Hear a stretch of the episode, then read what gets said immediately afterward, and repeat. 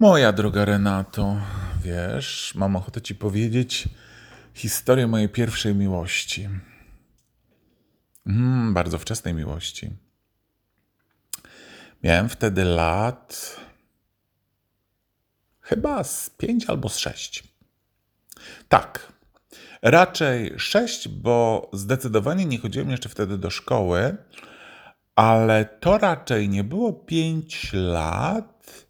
Tak, sześć. No i wyobraź sobie, że razem z rodzicami pojechaliśmy wtedy na wczasy.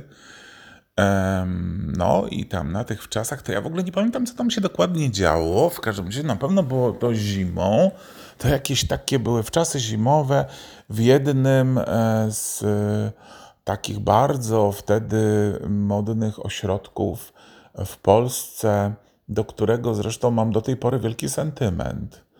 I ja pamiętam, że tam była taka dziewczynka, a nie pamiętam jej imienia kompletnie, e, ale ja jakoś się bardzo w niej zakochałem i ona we mnie z wielką wzajemnością.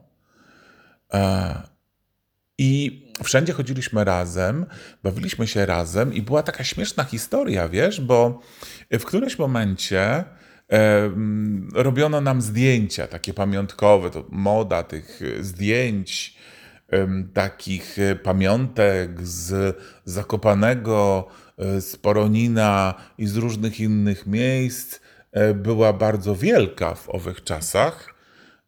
No i wyobraź sobie, że mm, tam były jakiś taki bal przebierańców dla tych dzieci i e, ja byłem przebrany za jakiegoś krasnolud. Tak, za krasnoludka.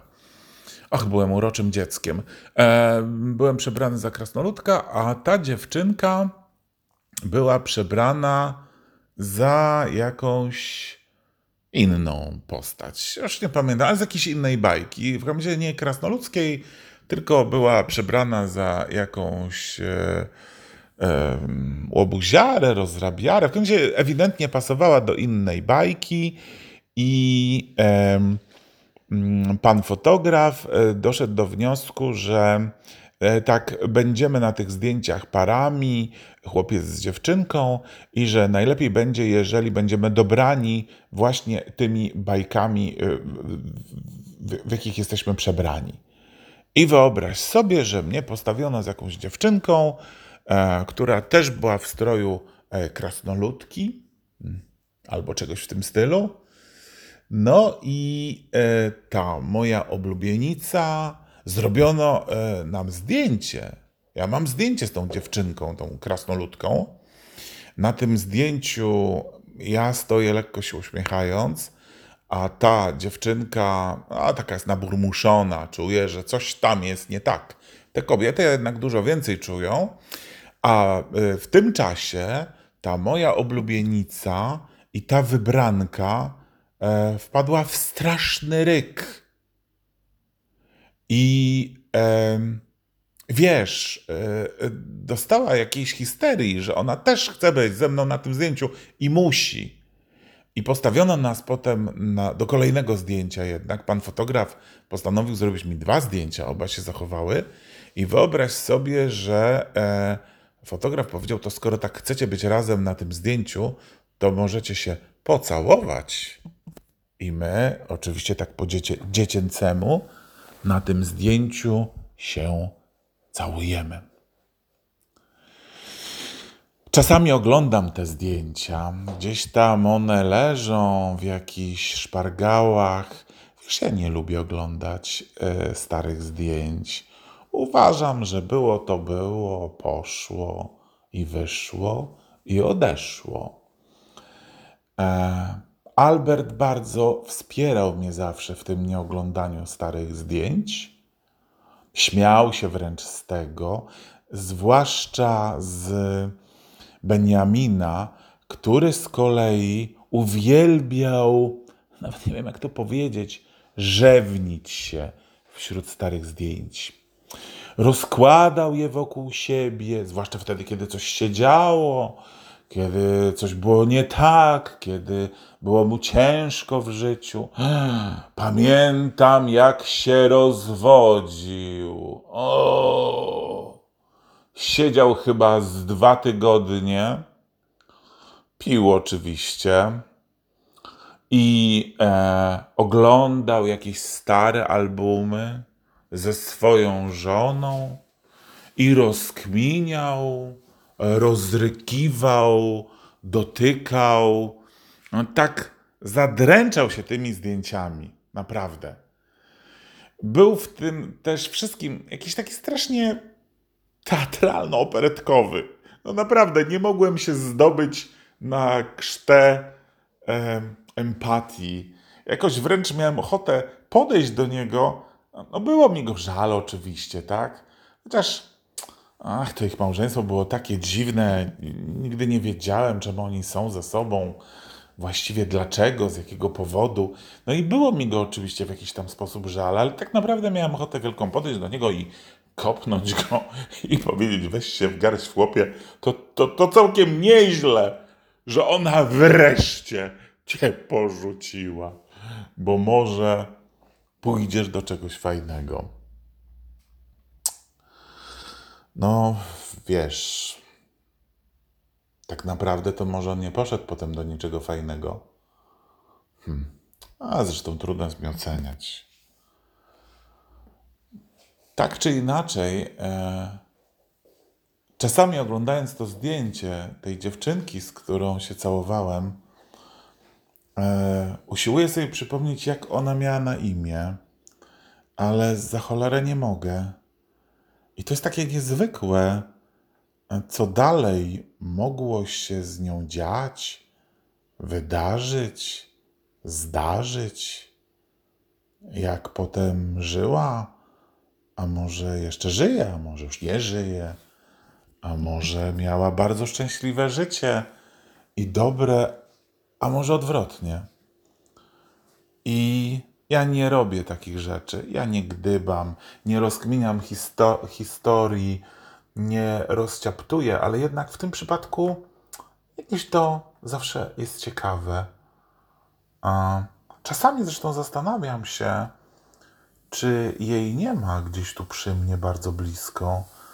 Może jesteśmy z tego samego miasta, a może ona przeprowadziła się tutaj i jest na wyciągnięcie ręki, a ja nawet o tym nie wiem. Ciekawe, czy można by było kogoś takiego w jakiś taki sposób znaleźć. Bardzo romantyczna historia. Myślę, że za kilkadziesiąt lat nie będzie tak romantycznych historii, bo w dobie tych wszystkich mediów socjalnych.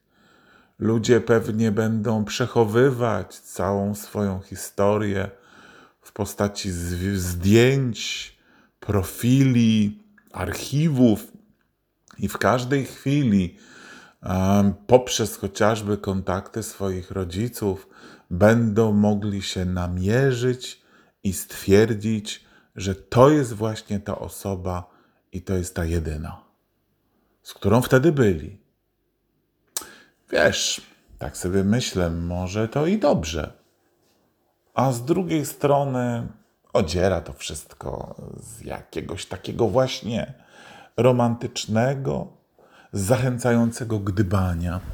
Bo teraz przecież mogę sobie usiąść i trochę sobie pomarzyć, jakby to było, gdybyśmy tam wtedy zostali na zawsze. Nie wiem, co to znaczy. Nie wiem, jak dzieci zostają na zawsze. Nasi rodzice musieliby po prostu tam zamieszkać, żebyśmy mogli zostać na, na zawsze. Albo, nie wiem, przychodzi mi o, jakiś zupełnie makabryczny pomysł, że musielibyśmy zginąć. To była zima pod lawiną śniegu, żeby zostać tam na zawsze. Tak czy inaczej, ciekawe jakby to było, gdyby nasze losy bardziej się splotły, gdybyśmy może znowu spotkali się jako nastolatkowie i zostali parą. Może życie wyglądałoby zupełnie teraz inaczej? E, lepiej? lub gorzej, lub inaczej. Gadam teraz trochę tak jak Benjamin. On uwielbiał takie dyskusje typu, co by było, gdyby było, a jak wyglądałby świat, gdyby drugą wojnę wygrał ten i tamten, a jak wyglądałoby tamto, gdyby nie było tamtego, a jednak było bez czegoś, czym strasznie mnie wkurzał zawsze, bo e, ja uważam, że jest tak jak jest, tak miało być i tak jest właśnie dobrze i najlepiej. O, a nigdy nie miałem też wsparcia w takim trzymaniu się tu i teraz ze strony e, Alberta.